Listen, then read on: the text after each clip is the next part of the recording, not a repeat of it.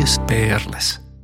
Hercogs Jēkabs, esot no Birzgales mežiem, vedis spriedes savu kuģu mastu būvēšanai. Un vienas spriedes cena esot bijusi divas cūkas, jeb viens zirgs, jeb astoņi dālderi. Tad iedomājieties, kāda tajā laikā bija vērtība kokiem. Ne tikai koki te bijuši vareni, bet arī diži ļaudis nākuši no šīs puses, no ķeguma novada Birzgalas pagasta un Birzgals muzejā var dzirdēt stāstus par viņiem, gan par Andreju Pumpuru, kuram te ir dzimtā vieta, gan par publicista Ērika Hānberga skolas gaitām, gan par grāmatu tirkotāju un akciju sabiedrības Valters un Rapa dibinātāja Artūra Valtera ceļu uz Rīgu, gan arī par nojaukto baznīcu, kur savulaik par mācītāju ir kalpojis vecais Stenders.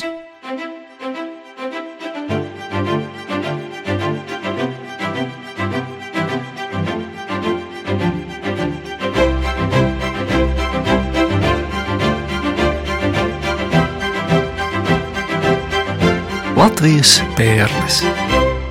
Muzeja nosaukums ir Rūķi, kas ir saglabājies no tiem laikiem, kad muzeja ēkā saimniekoja Saulgožu ģimene. Kā viņi tika pie šī nama, to stāsta muzeja vadītāja Iveta Freimane. Māja ir celta 1926. gadā kā jaunsaimniecība un eh, interesants stāsts par Rūķu mājas saimniekiem ir, kad Emīlijai Grīnbergai ir bijuši divi draugi. Jānis Salgozis un vēl kāds, par kuru vēsture klusē.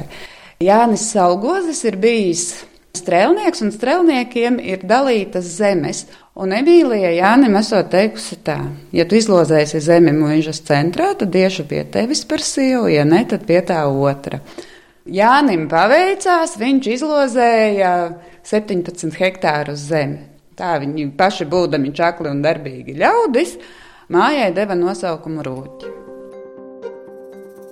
Kara laikā Salgoši devās bēgļu gaitās, un, kad atgriezās, tad viņu mājā jau bija ierīkots kolhoz kantors. Te bijis arī pasts, krājkas un bibliotēka, un 1997. gadā Rūķu mājās ierīko muzeju. Un tagad te tiek glabāts liecības arī par bijušo baznīcu, jo Birzgalē dievnama nav. Birzgals baznīca tika uzcelta 1567. gadā. Laika gaitā tā tika vairāk kārt pārbūvēta, bet 1965. gadā to nojauts. Šīs te lūk ir divas naglas no nojauktās baznīcas. Kalēja kaltas naglas no nojauktās Lindes Birzgalas baznīcas, jā, tādas pamatīgas aprūsējuši divas naglas. Tad, kad eh, baznīcu nojauca, tad visas koka daļas tika vestas uz lopu kūtīm. Un šī virsējā nagla ar šiltīti, to naglu bija kāda draudzes locekle, kura strādāja fermā par teļkopēju, viņa bija izvilkusi un tad, kad veidoja muzeju, tad bija atdevusi. Muzejam to naglu toties tā otra. Tā nagla, jo tā nojauktās baznīcas vietā 1975. gadā tika uzcelta Birzgals ciema izpildu komiteja. Mums vēl joprojām tur ir pagasta pārvalde. Un tad, kad dažus gadus atpakaļ renovēja pagasta pārvaldi, tad celtniekiem bija jāatrok pamati un tika atrasta arī šī nagla. Vai jūs esat runājis ar cilvēkiem, kur redzēja, ka to baznīcu nojauca? Es saprotu, tie bija padomu laika, kāds tur bija tas rīkojums, ko vietēji ieteica. Vēsturnieks Gatis Krūmiņš bija aizbraucis uz arhīvu, un viņš tikai bija atradis rīkojumu, kad 64. gadā tepat mūsu vietējā vara ir izdevusi rīkojumu, likdama pasteidzināt baznīcas nojaukšanu, lai 1965. gadā uz padomju Latvijas 25. gada dienu tajā vietā jau būtu izstrāde. Likumi, likumi tur. Interesantākais ir tas, ka tā lielākā rīkotāja ir bijusi sieviete, Biedrene Čūlīte. Vietējā? Nu, tajā laikā, jā. Muzejā ir arī fotografija un vēl tāds rakstīns klāt, kad ar papirosu zobos, girzas zābakiem kājā, biedrene čūlīte izdzenāja ticīgos un lika nojaukt baznīcu. Tad te var apskatīt tās minētās naglas, un te ir šķēres ar krusta zīmes atvērumā, un ar, ar šīm šķērēm ļoti, ļoti garas tās grieznes apgrieza baznīcas svecēm daktis. Tās ir saglabājušās, un vēl te ir saglabājusies arī ir jaunā derība, kurā ir tā laika mācītāja ieraksts, kas ir rakstīts par piemiņu no Birzgals mācītāja V. Buša kunga Alfrēda Mūdris 1937. gadā. Un mācītājs te ir bijis vācietis Vilhelms Bušs. Jā, viņš ir bijis pēdējais no Bušu dinastijas, jo šeit vairāk Buši ir kalpojuši par mācītājiem. Redzēt arī fotogrāfijas, kur notika iesvētības kara laiks, tas ir 1944. gada 23. aprīlis. Un te var arī redzēt to, cik, cik tā baznīca ir bijusi grezna. Un lūk, un te ir atklātne, kur ir datēta ar 1903. gadu sveicinājums iz Birzgalas, un tur ir uzzīmēta šī Luterāņu baznīca. Jā. Vai ir jauns dievnams šeit? Nē, dievnams mums nav, bet, kā jau es teicu, 75. gadā tur tika uzcelta Birzgalas ciema izpildu komiteja. Tagad arī Birzgals pagasta pārvalde, un labā ziņa ir tā, kā es parasti saku, ka tā ēka no dieva tālu nekur nav aizgājusi jo no 1990. gada iekārtota kapeliņa, kur notiek Lutāņu draugs dievkalpojumi, un no 94. gada arī katoļu draugs dievkalpojumi. Bet šeit pat ir arī stāsts par Gotthārdu Friedrihu Stenderu, jeb veco Stenderu. Vecais Stenders eh, par mācītāju Birzgales baznīcā kalpoja deviņus gadus, no 1744. līdz 1753. gadam. Ir arī tepat mācītāju kapsētiņā paglabāts viņa tikko dzimušais un nomirušais bērniņš. Bet te var redzēt eh, fotogrāfijas ar eh, viņa darinātajiem Dānijas un Norvēģijas karalim darinātajiem globusiem. Jā, kā mēs zinām, Stenders bija arī izgudrotājs. Veļas mašīnu viņš ir konstruējis un globus ar teiskaitā. Jā, nu, un, protams, kur tad eh, paliek viņa sarakstītā bildu ābice. Latviešu zemnieku bērniem, bet man ļoti patīk tas, ka tie pantiņi, ko viņš ir sacerējis, katram burtiņam, viens otrs ir ļoti aktuāli arī šobrīd. Ugunsgrēks daždien no pīpes nāk, tas ir kauns, kad knauķis smēķēt sāk.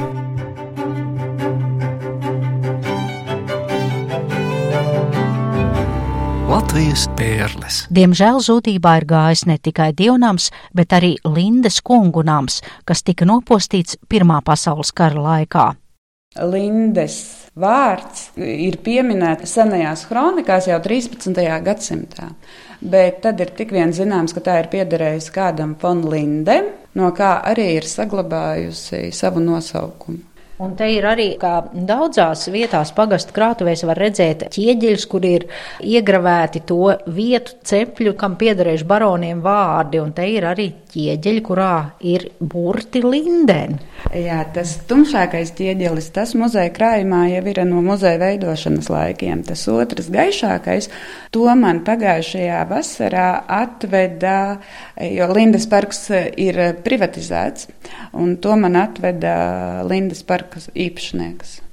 Es atkal acis nevaru novērst no tāda ļoti skaista, es nezinu, tas ir jūgens stilā, tāds dekoratīvs šķīvis, kur ir eh, jaunas meitenes profils, garas, blondas, matu cirtas, ziedu vainagā un tāda maza gaiša zila aubī. Šie te trīs, redziet, arī tie tur augšā, tie ir rotājumi no Lindas mūžas. Tas, kas ir saglabājies, Jā. un meitenes portrets, Tad ir no kapitelis no kolonas kādas, jā, un šis ļoti krāšņais un krāsainais dekoratīvais šķīvis. Tas tad viss, kas no nu, vietējā kungunama te ir palicis. Jā. Bet, kā jau raidījuma sākumā minēja, tad Birzgali min saistībā ar ievērojamu cilvēku vārdiem. Viens no tādiem ir dzēnieks un eposa lačplēses autors Andrejs Pumpurs. Protams, zināmākais ir Andrejs Punkurs, kurš lielai daļai cilvēku saistās tikai ar lielvārdi. Bet retais zina, ka Andrejs Punkurs ir dzimis Birskalas pagastā, mazā ķērānu meža mājiņā, kur viņi nodzīvojuši ar vecākiem divus, trīs gadus, un tālāk ir devušies uz Daugaumalu, uz Dīriķu mājām, kur Andrei Pumpurā tēvs aizgāja par rentnieku, vēlāk par saimnieku. 1988. gadā Andreja Pumpura dzimto māju vietā tika uzstādīts simbolu piemineklis Austras koks, kurš darināts no gliemeža akmeņa. Lūk, šāds te gliemeža akmens, un viņš ir vests no Kazahijas stepēm ar vilcienu. Tā jūs man iedavāt tādu baltu, cietu pikucīti, kas atgādina, nu, jā, tā kā tādu ļoti sablīvētu gliemežvāku. 1991. gadā Blakus šim simbolu piemineklim tika atklāts Andreja Pumpura krūšu tēls. Andrejs Pumpurs ar lielām lāču ausīm. Tā kā tā vieta ir eh, tāda maz apdzīvota un, un, un viņa atrodas gabaliņu no centra, tad eh, kādā vasaras rītā Mūsu pasniece, vadot pastu, bija ievērojusi, ka šī skulptūra neatrodas savā vietā, bet ir eh, aizvilkta līdz mežmalai. Acīm redzot, vai zagļus kāds ir iztraucējis, vai viņiem nav bijusi tehnika pietiekamā lielumā un vajadzībās, viņiem neizdevās aizvest. Lai to pieminekli no tās vietas nenozaktu, viņš tika atvests te uz Birzgalas centru un uzstādīts muzeja priekšā. Un kādā jaukā 2005. gada janvāra rītā viņa šeit vairs nebija. Piemineklis tika nozagts.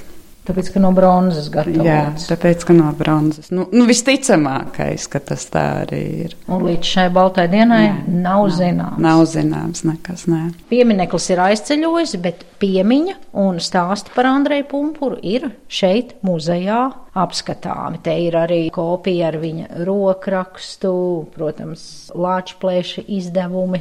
Dažni dažādākie. Šis te ir mans jaunākais ieguvums kas ir, ko ir ilustrējis Agris Liepiņš, kur ilustrācijās ir eh, lielvārdē dzīvojoši cilvēki, prototipi, bet kas man ļoti patīk, šeit ir autogrāfi no dzēnieka maz mazmeitas un no maz maz mazmeitas. Pie ievērojamiem birzgaliešiem ir jāpieskaita arī parolimpietis Aigars Apinis, Te dzimtā vieta ir vienam no radiodibinātājiem, radiofona saimnieciskajam vadītājam Jānim Magonem. Te aizvien vēl dzīvo un strādā tulkotāji no ungāru valodas Elga Sakse, kuras tulkoto darbu sarakstā ir tādas grāmatas kā Ferenca Molnāra Pālielas zēni, Magdas Sabo masku balle, Andrāša Berkašī Nāra zīmogredzenā un Ferenca Molnāra darbs Lilioms, ko zinām kā lugu, kas savulaik tika iestudēta Nacionālajā teātrī. Te ir dzimis un skolā gājis rakstnieks un publicists Ēriks Hānbergs un arī grāmatu tirgotājs, akciju sabiedrības Walters un Rapa dibinātājs Artūrs Walters. Un mūsu pēdējais atklājums ir Waltera un Rapas dibinātājs Artūrs Walters, kurš arī ir nācis no Birzgalas. Informācija visur ir ļoti skopa. Bet šajā vasarā man ar kādas meitenes palīdzību izdevās uzzināt pēc baznīcas grāmatām un dvēseli revīzijām, kad Valtera mamma ir dzīvojusi Lindas mužā. Artūra Valtera vecais tēvs ir bijis Lindas mužā dzirnavnieks, un tad iznāk, ka Artūra Valtera tēvs ir ieprecējies Lindas mužā. Tajā grāmatā, tajās atmiņās bija rakstīts, kā Artūrs Valters nokļuva Rīgā. Viņš pēc skolas beigšanas strādāja tepat skolā par palīgu skolotāju, bet naudas trūkuma dēļ tēvs bija izdomājis, ka viņam jāpredz bagāta meita. Tēvs Artūram nav teicis, kas būs tā meita. Viņš sapaunojis visas savas mantiņas, nolicis vagas galā pauniņu un sēdējis un skatījies. Un izdomājis tā, ja tā meita būs paprātam, viņš precēsies, ja nē, tad beigs prom. Ieraudzījis jau zirgu pajūgu, sapratis, kas pa meitu sēž ratos, tā nebija viņa sirdī tīkama, paņēma savu pauniņu un devās uz Rīgu. Jau minēja, ka arī Ēriks Hānbergs ir birzgalietis, un viņš muzejam ir dāvinājis savas skolas laiku liecības un uzdevumu burtnīcas. Latvijas PSR izglītības tautas komisariāts Birsgalis pagasta 7. klases pamatskolas 5. klases skolnieka Erika Hānberga liecība 45. 46. mācību gadā. Un man ļoti interesanta šķiet šī te zīmīte, kad nu, tas jau, jau ir padomju laiks, un taču padomju laikā mums nesvinēja ne lieldienas, ne Ziemassvētkus, bet te, redziet, pēc datumiem spriežot, ka viņš nav apmeklējis skolu ticības dēļ, un pēc datumiem spriežot, tās varētu būt bijušas lieldienas.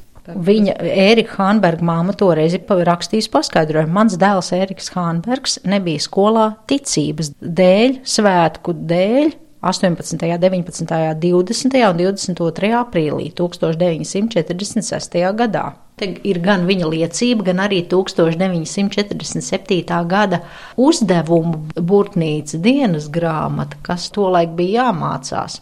Latviešu valoda, algebra, fizika, vēsture, dziedāšana, dabas zinības, krievu valoda, koris, fiskultūra, rasēšana, ķīmija, konstitūcija fizikā par temperatūru, vēsturē Novgorodas zeme, konstitūcijā 7. PSRS kongress, un te ir pieciniekus Ēriks Hanbergs par to ir saņēmis. 1947. gads.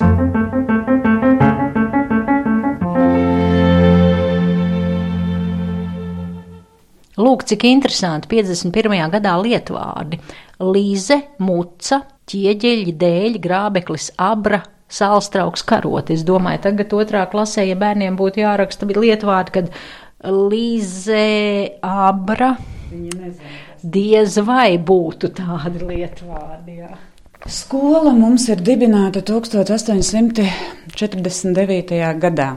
Un to ir dibinājis mūžs īpašnieks Pauls Karls von Hāns. Jā, pirms skolas dibināšanas tur ir atradusies Lindas mūžs moderniecība kurā viena telpiņa bija ierādīta, kur pagasta ķesteris mācīja bērnus grāmatā.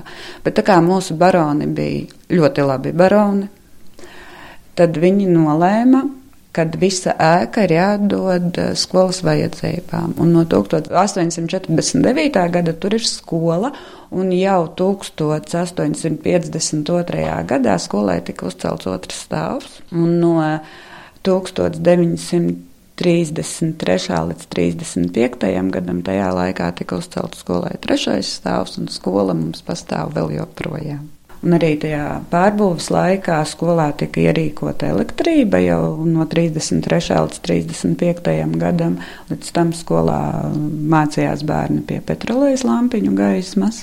Un te arī viena tā lampa ir izstādīta muzeja ekspozīcijā. Arī šis zvaniņš ir ļoti interesants. Nu, viņš arī ir sens. Viņš savulaik arī skolā izmantots kā skolas zvans. Ar tādiem ornamentiem tur ir kaut Jā. kādi jātnieki virsū. Bija arī gads virsū. 1879.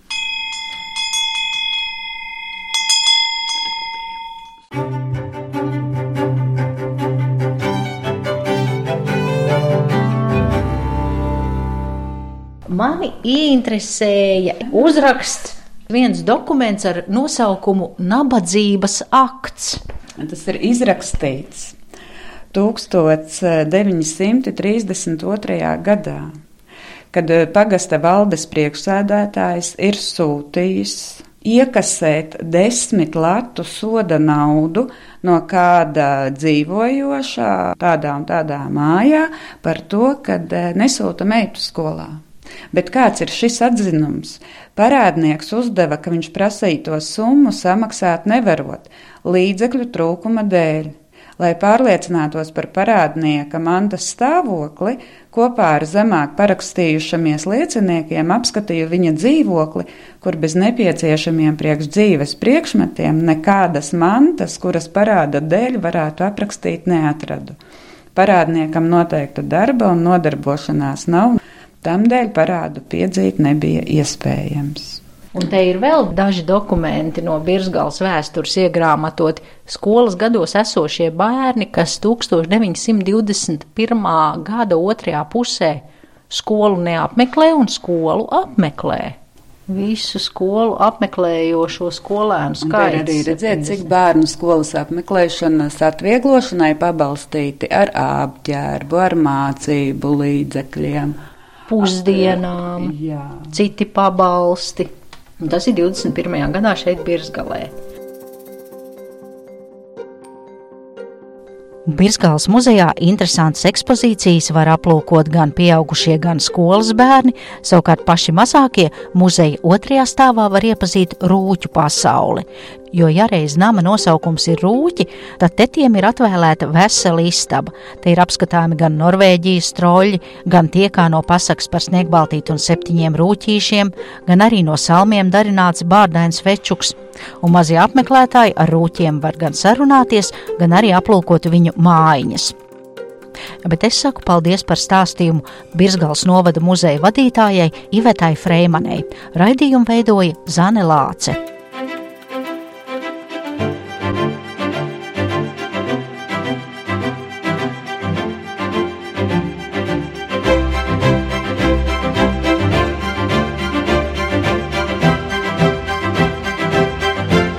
Latvijas pērles.